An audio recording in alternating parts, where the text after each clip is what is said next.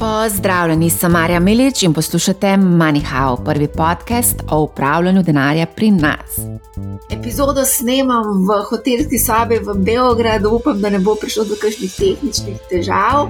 Če bo, bomo pa že nekako zadevo sanirali on the fly. No, danes bomo govorili predvsem o pretresu borznih tečajnic IT podjetij in seveda priložnostih, ki ob tem nastajajo da nimamo indeks, ki sprema tehnološke delnice. Nasdaq 100 je letos upadel za slabo četrtino, posamezne delnice znotraj indeksa pa so upadle za več kot 50 odstotkov. Pravzaprav, um, nekako čez palec sem na hitro izračunala, da je 82 odstotkov uh, delnic znotraj tega indeksa obarvana rdeče. Zanimivo, najbolj donosna z 32 odstotki v letošnjem letu v tem Nasdaq 100 je bilo energetsko podjetje Constellation Energy in s 24 odstotki farmaceut Vertex. Od IT podjetij pa so recimo letos najbolj donosni z 20 odstotno donosnosti T-Mobile in Activision Blizzard.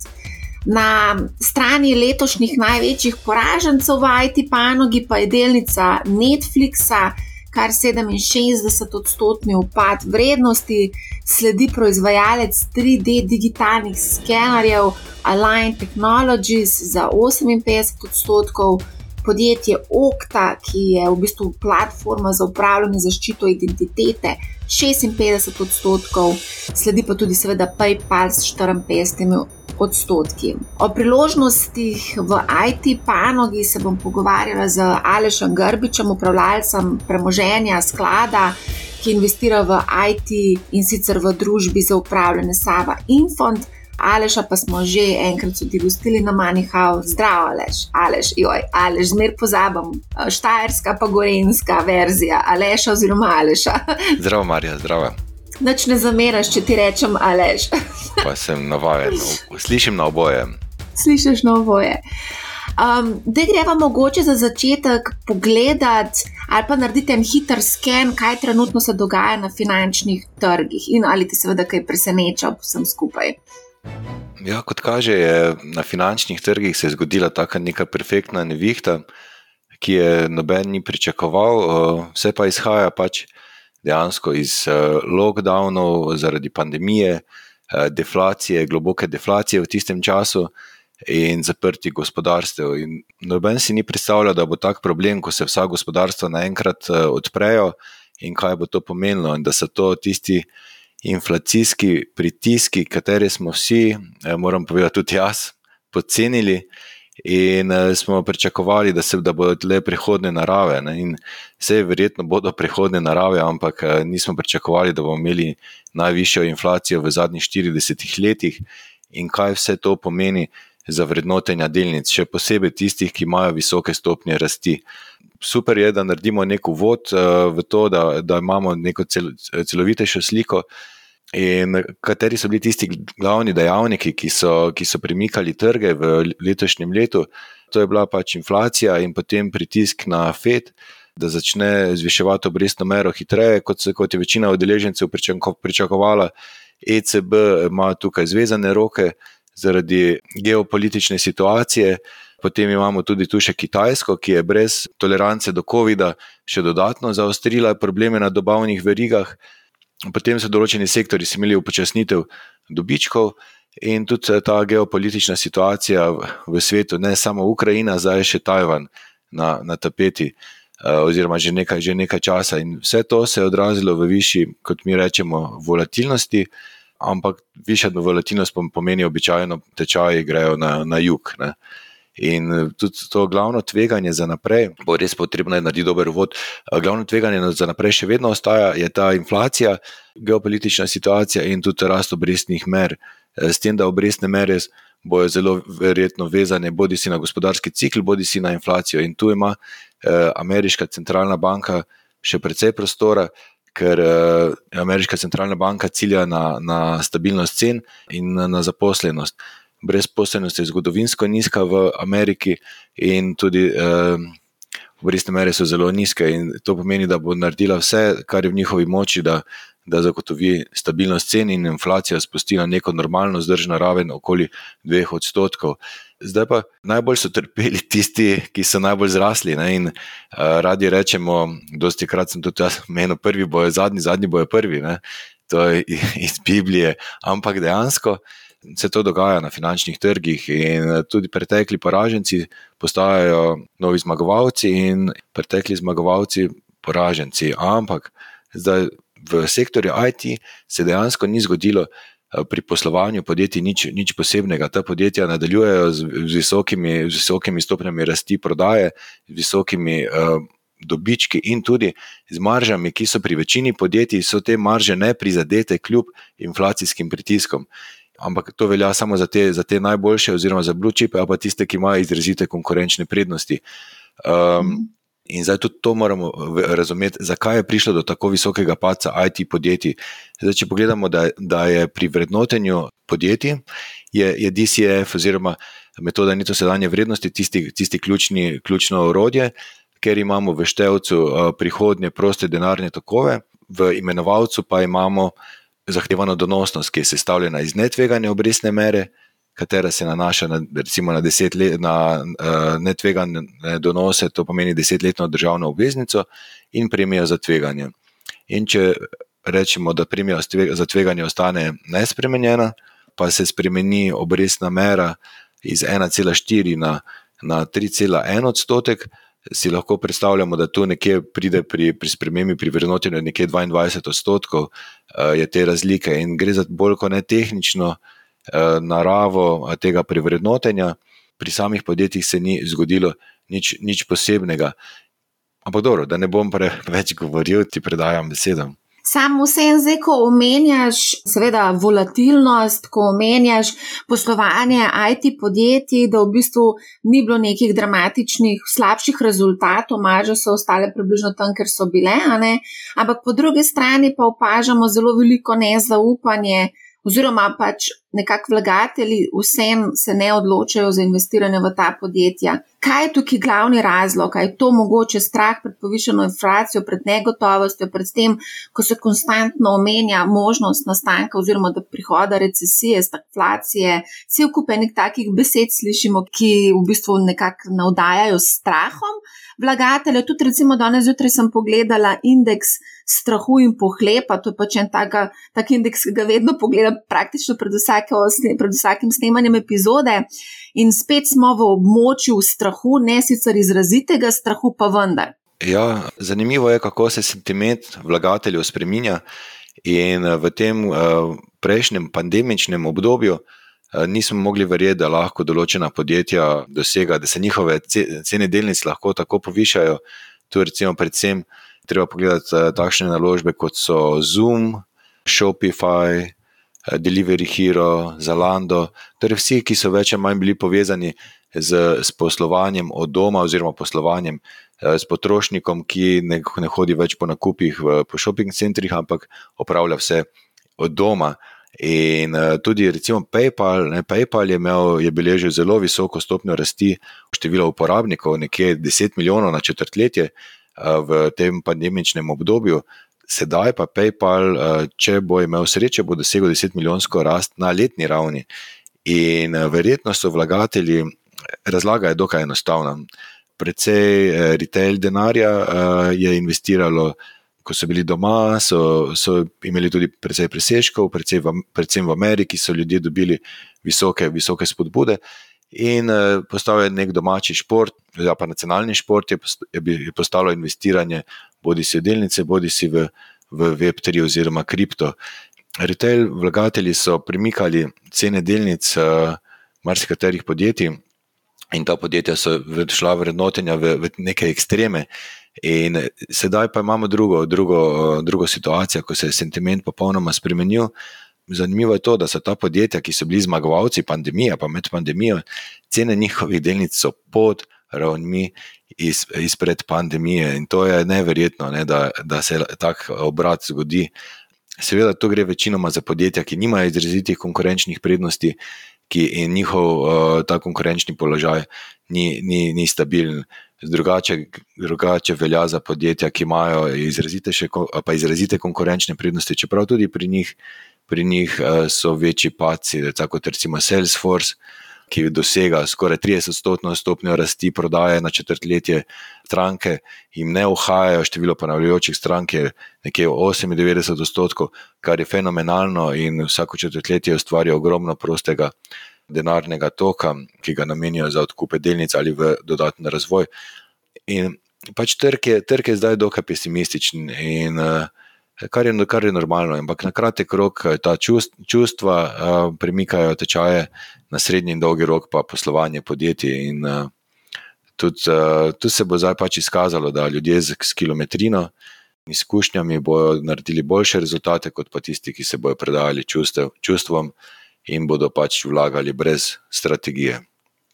A se ti zdi, da gre tukaj za neko, recimo, temu klasično korekcijo 10, 15, 20%, ki jo vidimo praktično vsako leto na, na kapitalskih oziroma finančnih trgih, ali misliš, da že vstopamo v neko območje medveda, da bomo priča dolgotrajnim upadom? Ja, to je tako zelo nehvaležno uh, vprašanje. Ne? Sam se pač provam izogibati uh, tem raznim stavam odkar, odkar recimo, da upravljamo sklade, je, je naše delo dokaj enostavno, mi smo pač samo na vzgor ne, in moramo biti vse čas polno investirani. Ampak sigurno je, mm, je eno izmed bolj eh, zanimivih obdobij, precej izzivi. Dejansko so vsi scenariji so, so, na, so odprti. Od uh, neke bolj šibke recesije uh, do tega, do, do stagflacije. In bo zelo zanimivo. Bo, tudi primerjave z, z konec 70-imi leti so tudi, so tudi tukaj, ko smo imeli poviš, energetsko krizo. Tri leta je ta energetska kriza trajala, povišana inflacija, in v tistem času so se zelo dobro obnesle energetske delnice. In tudi zdaj, v tem, v tem obdobju, so energetske delnice dobesedno eksplodirale. Se, če je cena nafte v zadnjih 12 mesecih se povišala za 65 odstotkov, od junija leta 2020 za 200, več kot 220 odstotkov, in normalno, da so do, dobički tem podjetjem eksplodirali. Ampak je treba je povedati vseeno, ne, da je ESG, ne, standard ESG, je ima precej, precej tukaj, eh, da smo prišli do te energetske krize. Ne, in ta energetska podjetja so bila. Podinvestirana od let, vse od leta 2014, in je zelo, zelo nespameten, je ta ESG standard. Uh, pripeljal nas do te energetske krize, ne, za katero upamo, da, da se hitro razreši, bodi si z tem, da se geopolitična situacija umiri, ali pa da začne OPEC eh, črpati više količine, ker pa tudi ne gre čez noč, ne, ta ponudba se ne more prilagoditi eh, naenkrat, predvsem so. Težave pri privatnih lastnikih, eh, ker so lastniki, recimo, javne družbe, tam so, tam so lastniki zahtevali, da podjetja ne investirajo v razvoj dodatnih kapacitet, da pazijo na prosti denarni tok, razvijajo samo projekte z najvišjo maržo in čim več eh, posil vrnejo, in čim več prostega denarnega toka izplačajo delničarjem preko ali preko odkupov lastnih delnic. Največkrat je to najboljša opcija za, za delničarje in tu so zelo uspešna ameriška podjetja. In tudi ameriška energetska podjetja so najbolj zrasla, ker vseeno evropska imajo določene težave pri teh dobavah, oziroma stvar ni tako enostavna. Zdaj, že dvakrat se mi zdi, da smo zapored omenjali energetske delnice in pa surovinske delnice, seveda v kombinaciji z ESG-jem to nekako ne bo, nekako recimo temu na dolgi rok vzdržno, se mi zdi, ne glede na to, da so ESG ti principi postali pač um, nujna stalnica tudi v svetu investiranja, sploh pri institucionalnih vlagateljih, ne, se vsi ozirajo na ESG. Pa me zanima, zdaj nekateri menijo, da recimo energetske in pa oziroma surovinske delnice, da bi bile potencijalno lahko zanimivo za neko daljše časovno obdobje, recimo 5 do 10 let. Kakšno je pa tvoje mnenje tukaj o tem?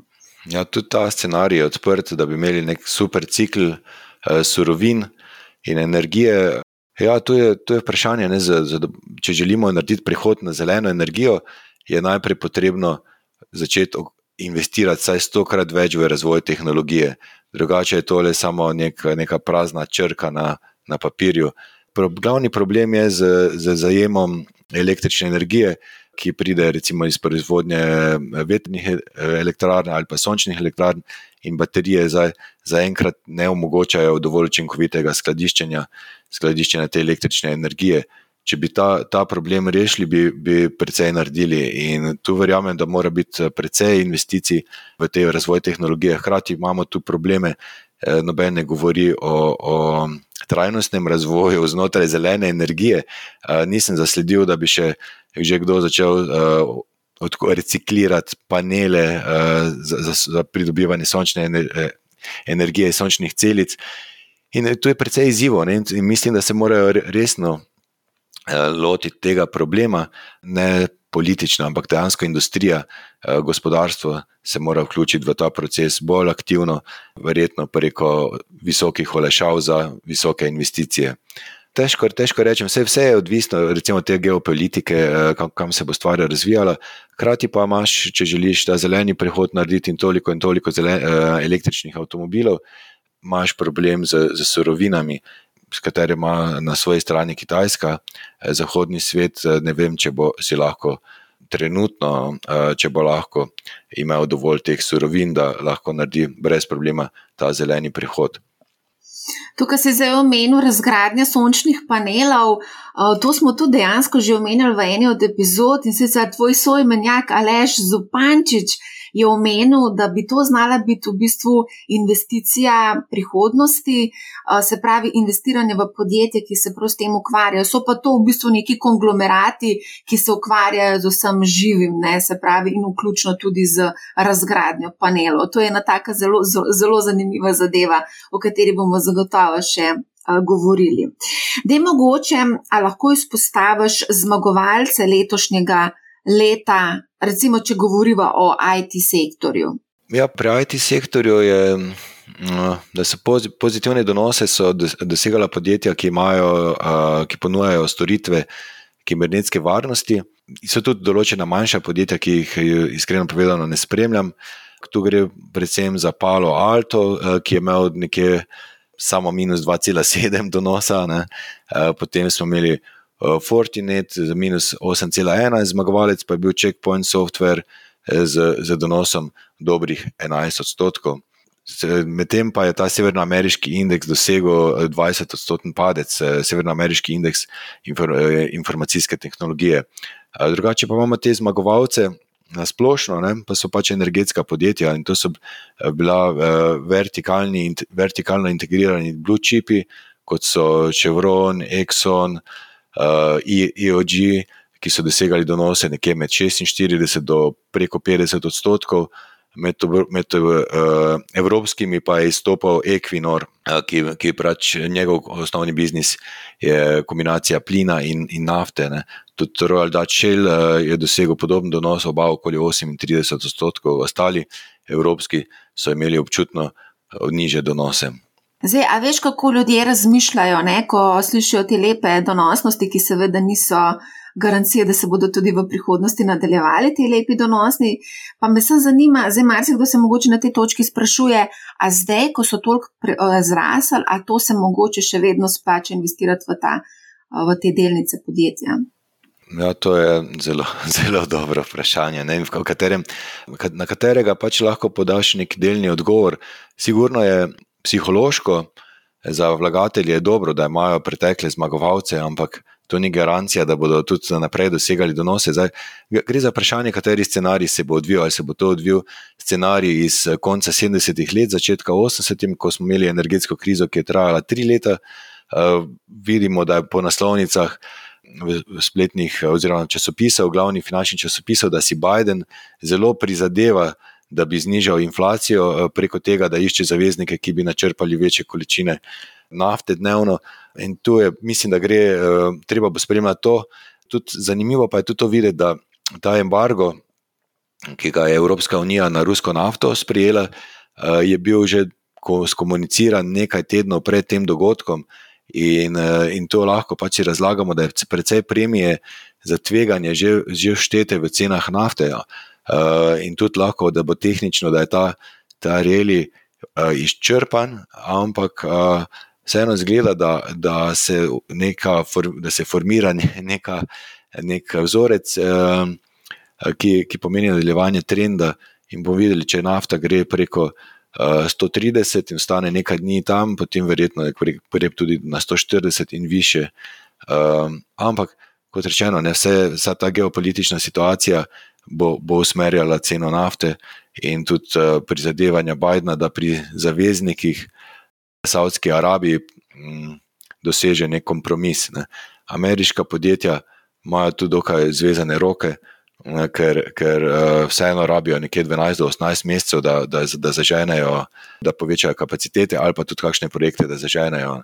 In ni, ni tako enostavno. Še posebej pa imajo tudi probleme pri dobavah materijalov. Ne. To je tudi zanimivo, da na strani dobavne verige imajo večina podjetij ima težave, tudi Apple ima težave, ne tako izrazite, ampak naftna podjetja imajo težave dobiti ustrezen material eh, in potem tudi eh, cene eh, čutijo stroškovno inflacijo, tudi pritiski na plače so, so dokaj izraziti. In res zanimivo obdobje nas čaka in glede na to vse povedano, mogoče ni slabo, če človek malo poveča delež eh, izpostavljenosti do teh energetskih naložb. Ampak, če pride do oh, eh, recesije, hm, bojo cene nafte padle.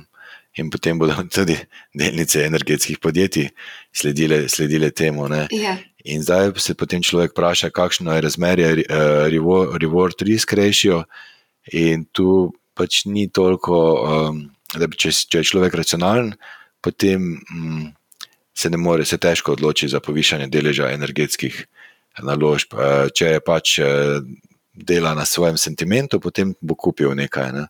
ampak racionalen človek te, težko. Racionalen človek težko, ampak greva se vprašati, kaj pa recimo človek, ki je dolgoročni vlagatelj, vrčuje za 20, 30 let, 40. A misliš, da bi kakšen delež energetskih delnic podjetij, surovinskih, bi, bi, bi bilo fino imeti v takšnem portfelju? Zdaj mislim, da je nekje sektor energije v globalnem delniškem indeksu predstavlja okoli 5 do 6 odstotkov. Zdaj, če si povišamo za dodatnih 5 odstotkov, ne bomo naredili velike napake. Maksimalno neko izpostavljenost bi do, do 10 odstotkov. Eh, ker vseeno je tu obstaja tveganje, da če se cene, če slučajno pridemo v recesijo, verjetno letos še ne, eh, najverjetneje drugo leto, recesija sama eh, zniža cene energije in tudi s tem, ko se zniža popraševanje.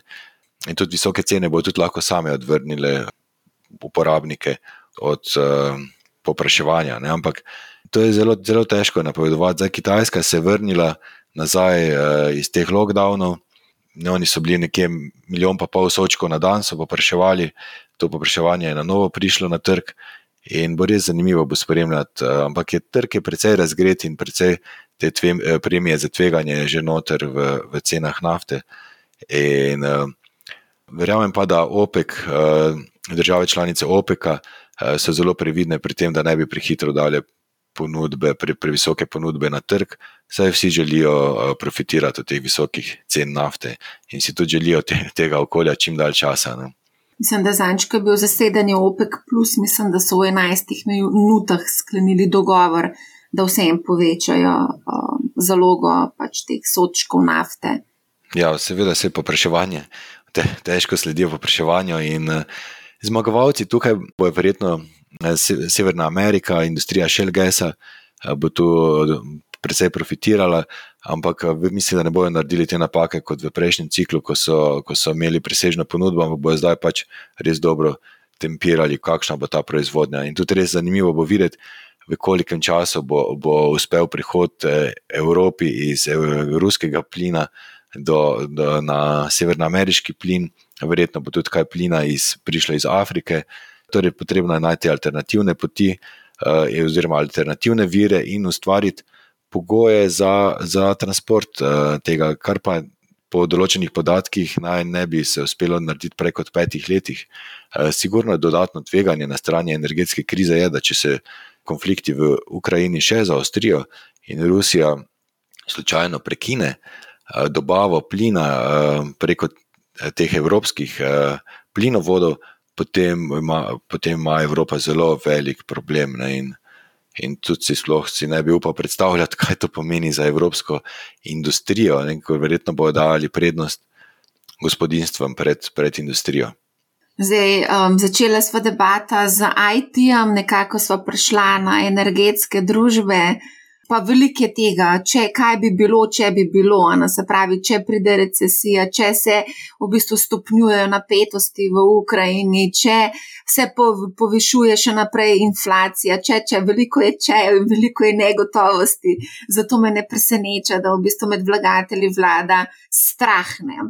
Ampak da greva se medva vrniti nazaj na IT oziroma konkretno na e-commerce ko smo gledali, kaj se dogaja z objavo rezultatov, Amazon, ECI, Shopify, delnice so dobesedno, strmoglavle, ECI 62, Shopify skoraj 70. Zdaj, ko smo v bistvu nekako izven tega, recimo, koronskega obdobja, v obdobju post-korone, ne, se mi zdi, da se, da se tukaj že pozna tudi ta želja ljudi potem, da želijo v fizične trgovine hoditi, ne samo prek spleta kupovati. Ja, se, tu, tu je dejansko mm, gre za kombinacijo tega učinka, kot si že omenila. Drugi učinek pa je, da cena nafte in strošek transporta se je izrazito povišal in to je, to je tisti glavni problem vseh teh, ki so e-commerce. Zato pač je pritisk na marže. Zdaj ne vemo, kako dolgo bo ostala na, nafta tako visoko. Nekateri tudi govorijo o scenariju 200 dolarjev za soček, da ne bi bilo nič nenormalnega. Ampak eh, ja vem, jaz sem tu vseeno zmerni optimist, da, da bo recesija stvari postavila v normalne, normalne okvire, če ne letos, pač naslednje leto. In tudi višja cena nafte bi sama po sebi morala odvrniti ljudi od uh, dodatnega popraševanja. Ampak je pa stvar pa je v tem, ne, da se je ta inflacija po celi verigi. Če se nafta podrži, se podrži, podrži eh, tudi uh, plastika, plastika se pa uporablja pri, pri pakiranju in marsikaj druge. Ta vpliv uh, ni, ni enkrat, ne določeni imajo pač pogodbe, so to polletne, enoletne pogodbe z dobavitelji, in potem, ko ti pridejo više cene v tvoj, kot tvoj strošek uh, noter, pač moraš prvaš preleviti to na končnega potrošnika. In, in to, uspe, to uspešno delajo podjetja, ki imajo močne blagovne znamke in inovacije oni nimajo nobenega problema pri levitvi eh, višjih, višjih prodajnih cen na potrošnika. In tudi, recimo, proizvajalci hrane, pakirane hrane, so zelo inovativni in uh, bodi se zmanjšujejo težo izdelka ali pa, ali pa inovirajo. Uh, Da pač razvijajo nov produkt, kateremu dajo višjo ceno in prenesejo te više vhodne stroške na, na potrošnika. Ampak to so samo tisti z najmočnejšimi blagovnimi znamkami. Ampak zdaj, recimo, ko govorimo o energetskih delnicah, vidimo, da so res lepe rasti. Ko govorimo recimo o e-commerce, vidimo, da so tudi zelo lepi upadi tečajev. Zdaj, če izbiraš recimo investicijo za nadaljnih, ne vem, deset let, ne, na katero bi ti stavil, recimo, zdaj na potlačen e-commerce ali na mogoče lepe rasti energetskih družb. Ja, pač za, za enkrat kratkoročno, sigurno so. Imajo momente energetska podjetja. E, mogoče je treba osvetliti eno, eno resnico. Ni, oziroma, resnica ni samo ena resnica. Obstajata ta dva sloga, value in growth. Ne? E, ko so obrestne mere se zniževale, je slog growth e, prevladoval. Zadnjih des, zadnje desetletje smo imeli ta investicijski slog growth, to pomeni podjetja z visokimi stopnjami rasti, so dosegala, njihove delnice so, so precej bolj zrasle, rasle kot pa value slog. In uh, value slog so pa pač uh, podcenjene naložbe z, z izredno močnimi bilancami, nizki, nizki kazalci, price earning, price to book, bolj kot ne gre to za staro industrijo in tudi anemične stopnje rasti. Uh, zdaj mhm. je prišel ta čas, ne, ko so ti z anemičnimi stopnjami rasti, kot, so, kot je sektor uh, energije, surovine. Energija je postala v določenem momentu uh, neke vrste utility, ne. načrpane količine so pri, približno ostale enake, in tudi ta energetska podjetja so se zelo dobro prilagodila nižjim cenam nafte, ki je od leta 2014 uh, se gibala nekje od 60 do 70 dolarjev za soček, uh, leta 2020 je prišla skoraj na nič, oziroma na minus, ne, kar, je, kar je fascinantno. In to je, m, pride obdobje, ko pač določena strategija bolje deluje. In, in zdaj je čisto, da bi se odločil za veljo, pa grov, ra, raje izberem uh, naložbe, ki imajo izrazite konkurenčne prednosti. nek uravnotežen portfelj, ker v enem obdobju ti bo, eh, ti bo delovala ena naložba, v drugem, drugem druga naložba. Tisti, ki, ki jih je res strah, da, bo, da bomo imeli hujšo energetsko krizo, še verjamejo v to, pač naj povečajo delež energetskih delnic. Tisti, ki pa verjamejo, da je pač to normalni cikl in se bo, eh, glede na to, da imajo centralne banke znanja. Predvsej znanja o obdobju iz konca 70-ih, začetka 80-ih in stagflaciji takrat, vem, da bojo, oziroma verjamem, da bojo zelo dobro skomunicirale do finančnih udeležencev, da dosežejo svoj cilj. In, uh, ampak inflacija je zelo trdovratna. Bomo videli. To, to je tisto ključno vprašanje, kaj se bo dogajalo z inflacijo. Vemo, da je včeraj je, je, so zahtevani donosi pri uh, nemških des, uh, desetletnih preko 1,3, ameriških preko 3 odstotkov. Imamo dejansko pokol na obvezniških trgih. Uh, to, to, to ne vem, če kdo govori. Uh, obvezniški trgi so v letošnjem letu pridelali višji minus, kot so, pridel, kot so pridelale delnice. In v merjeno v evrih eh, so nekje globalne delnice samo eh, dobrih 7 odstotkov v minusu, kar, kar ni nič, ne? Eh, v dolarjih je slika drugačna. Obveznice, recimo en benchmark, evropski benchmark obveznic, ker so večinoma državne, pa 70% državnih, 30% podjetniških, je nekje dobrih 11 odstotkov v minusu. In tako podjetniške kot, kot državne obveznice delijo enako usodo. In tu gre za res zgodovinski trenutek. Mi smo imeli 40 let padajočih obrestnih mer. To, to ne vem, če se v medijih kaj dosti piše. 40 let uh, padajočih obrestnih mer. Prišli smo v, v območje, kjer so obrestne mere bile negativne. Dve leti negativnih obrestnih mer. Sigurno m, zaradi tega prihaja to je mogoče bo povedal, bo, bo odgovor na to, kakšen portfelj naj ima vlagatelj. Sigurno je prihajalo do ekscesov, uh, da so, da so uh, v visoko tvegane naložbe ljudje nalagali s tem, ko so, ko so lovili donos. In spraševali smo se, kaj se bo, ne bi rekel balon, ampak to stanje na obvezniških trgih končalo. In, in smo se spraševali, kaj bo takrat, kaj bo več padlo. Ali bo delnice več padle v tem obdobju, ali bo obveznice več padle. In zdaj se je pokazalo, da so dejansko cene obveznic bolj padle kot, kot cene delnic. In cene obveznic bi tiste morale biti, ki, so, ki prinašajo stabilnost vlagateljem, nek uh, fiksen donos, ne? to je naložba s fiksnim donosom, ampak so prenesli izgubo, če je realiziral slučajno. Ampak dobra stvar je ta, ne, da, da postajajo ti donosi na obvezniških trgih ponovno. Zanimivi in normalni, in verjamem, da bomo šli tu do Eh, da bo neka normalna inflacija, bo dvodstotna inflacija in uh, zdaj ta, ta visoka inflacija je pač prihodne narave. Koliko časa bo trajala, to ne vemo. Torej, odgovor je, imejte uravnotežen portfelj, ne staviti uh, samo na pretekle zmagovalce ali pa sedanje zmagovalce. Uh, tisti, ki, ki gleda na dolgi rok, la, naj pogleda tudi Vorena Buffeta, ki ga marsikdo uh, se mu je posmehoval. Kaj Warren Buffett počne? Warren Buffett ima v svojem holdingu več kot dve tretjini tržne kapitalizacije, ima prostega denarja. In Warren Buffett zdaj kupuje, kupuje delnice na razprodaji. In, in zakaj ne bi tako kupimo na razprodaji eh, oblačila, ne, zakaj ne bi kupili delnic na razprodaji? In tudi ena izmed zanimivih delnic je recimo njegov, ta, njegov finančni holding, ki, ki je na dolgi rok eh, prinesel donos eh, podoben globalnem delniškem indeksu, uh, s tem, da uh, ne izplačuje dividend, odkupuje pa lastne delnice, ko pride, ko pride nekje na 1,2-kratnik knjigovodske vrednosti. In če človek takrat kupuje, ne, ne more kaj bistveno zgrešiti, ne, ker vseeno vlaga v finančni holding enega najbolj uspešnih uh, upravljavcev zgodovine. Uh, Oziroma, bi rekli pač, ja, najbolj uspešni, ki ima tudi določene ki ne kupuje, ki nima samo delo, ki jih imajo navadni smrtniki na mizi, ampak pač ima prioriteto pri določenih poslih.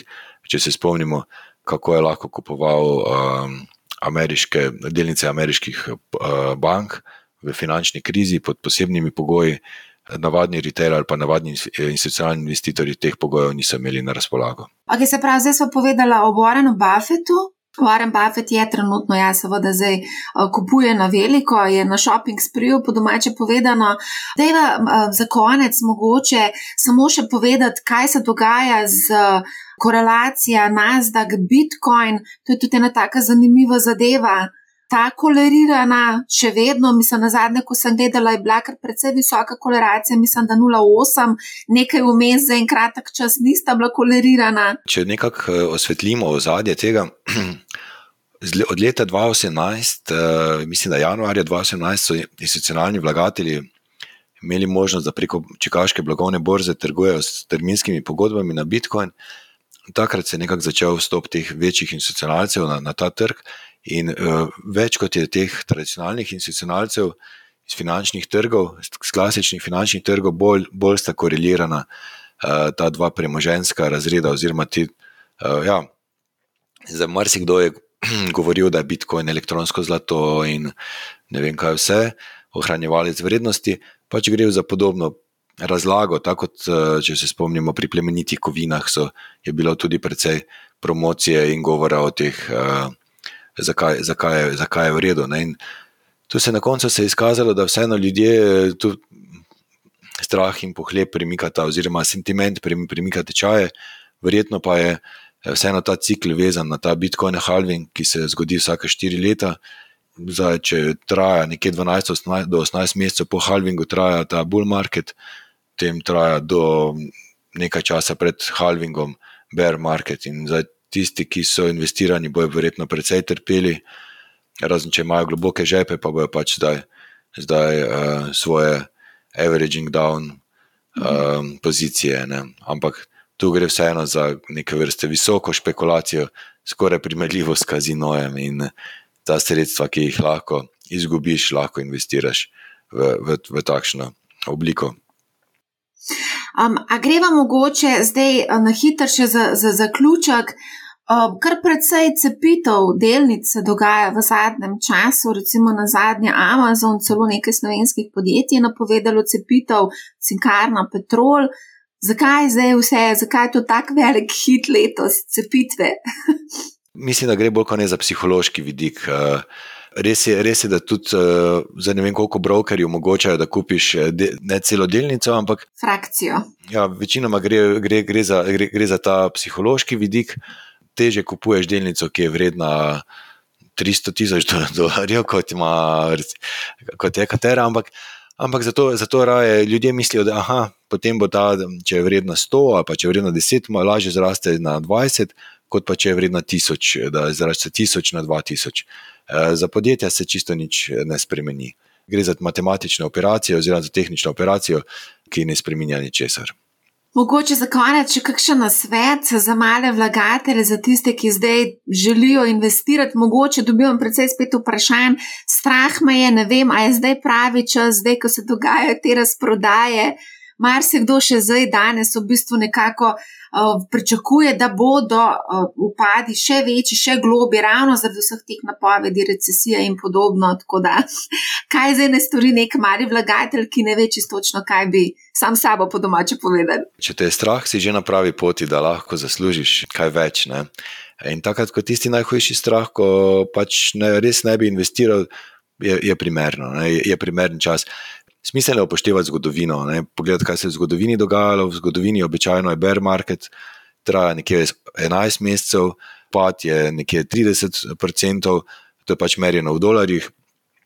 Zdaj, če, če, če bi rekli, da je ta scenarij, da smo, slučajno, da smo v bear marketu, nas čaka še uh, nekje do novembra, statistično gledano, lahko, če bo bear market dalj časa trajal, pač nekaj mesecev dalj, in človek si lahko razporedi na dvanajstine, uh, sredstva, ki, bi, ki jih je pripravljen vložiti, in potem vsak mesec disciplinirano investira v portfelj, katerega drži vsaj 10 let. Ne. Pomembno je to, da imamo denar na razpolago vsaj 10 let, ker potem bomo lahko dočakali tudi, eh, ta, ko se cikl obrne na vzgor, in uh, imamo bull market, in so vsi veseli takrat, in mi lahko z veseljem prodamo.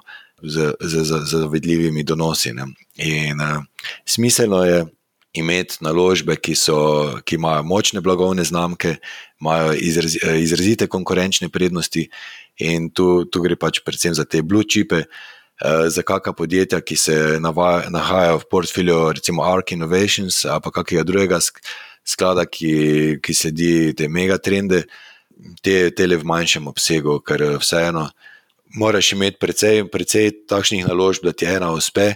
In, in zato meni se zdi, da je boljša, boljša strategija Blue Chipi, ta uh, imena, ki so skoraj nezlomljiva, recimo kot je Microsoft, potem je tu recimo ASML, to je nizozemski, nizozemsko podjetje, ki, ki razvija tehnologijo za, za konstrukcijo polprevodnikov in so market leaderi na tem področju. Uh, res so. Uh, imajo first mover advantage, eh, izrazite konkurenčne prednosti, in uh, delnica je res je, zelo draga, ampak uh, pač te večje pace se splača izkoristiti za, za, za nakupe. Kaj pomeni draga, to moš povedati? Draga po, po kriteriju vrednotenja, recimo enterprise value, EBITDA, pa price to earnings, ampak, ampak je zaradi stopnj rasti, nekje 20-30 odstotkov letno. Eh, ključne stranke so eh, glavni proizvajalci polprevodnikov, Intel, Samsung, Taiwan Semiconductors. Dejansko tu gre za, za, za cvet industrije polprevodnikov. Za recimo neko podjetje, čeprav mene je zelo presenetil ta segment polprevodnikov, da se je. Da se je da, da zdaj dokaj anticiklično deloval, Prej v preteklosti je bil zelo sezonske narave, pa, pa tudi zelo cikličen. In zdaj, ko se odvija proces robotizacije in avtomatizacije proizvodnje, vse posod po svetu, in tudi peljave polprevodnikov, oziroma tudi avtomatizacije v medicini, je, je to popraševanje dokaj stabilno in prihaja, ravno to je tisti razlog, zakaj je prišlo do pomankanja čipov. In za avtomobilsko industrijo. Avtomobilska industrija ni verjela, da se lahko zgodi, da ne bo več mogla naročati, eh, oziroma vrednotila, oziroma upravljala zelo just in time, ampak prišli so dodatni, dodatni kupci, in, in, ki, so, ki so pokupili vse te poprevodnike. In običajno je treba zdaj čakati ne pol leta, pa tri mesece, do, da, da prideš eh, do materijala. Res pa je, da se bo stanje normaliziralo, verjetno čez naslednjih čez 12 mesecev, ko se ko povišanje kapacitet pride na ko bodo proizvajalci po prevodniku povišali kapacitete, pa če, ne bo, če ne bo prišlo do kakšnega drugega efekta. In jaz vseeno mislim, da, da nas čaka desetletje razvoja, ker bo, ker bo gonilo razvoja informacijska tehnologija. Ne vem, kaj se bo zgodilo z, z energetsko krizo, kaj bo, kaj bo ta ESG, v katero smer bo šlo. Vidimo, da marsikje pušča ta ESG standard, da, da podjetja ravno ne sledijo, je bolj kot črka na papirju. Upam, da pride do določenih modifikacij, eh, ker bodo bolj verodostojno preverjali te te standarde. Se strinjam s teboj. Uh, tako da, super, Aleš, najlepša hvala za zelo zanimivo debato. Mal sva šla v energetski sektor, mal v IT sektor, mal tudi obveznice, tako da obdelala sva kar en tak zelo lep spektr investicij. Želim ti veliko, seveda, uspeha pri upravljanju premoženja. Nekaj podjetij si omenil, predlagam, da te tikarje teh podjetij tudi objavim v opisu epizode, da bi si pač poslušalci in gledalci lahko malce bolj poglobljeno pogledali to, kar si komentiral. Iskrena hvala, ale še enkrat, oziroma alež. Hvala tudi tebi. Evo, tako, če boste imeli kakršno koli vprašanje, mi prosim, pošljite na Marija Afna, manihau, mani-hau.si. Še enkrat, pred, kakršno koli investicijo pravite domačo nalogo, razmere trenutno so zelo razgrete, negotovost je velika. Ne investirajte, če niste prepričani, da ste sposobni v bistvu nekako vzdržati ta pritisk. Upadi tečajev so lahko še globji, seveda po drugi strani pa imamo lahko tudi določene zmagovalce, vedno so zmagovalci in poraženci v dobrih in slabih časih. Tako da poslušajte, manjhau, ne bo vam žal in lep pozdrav.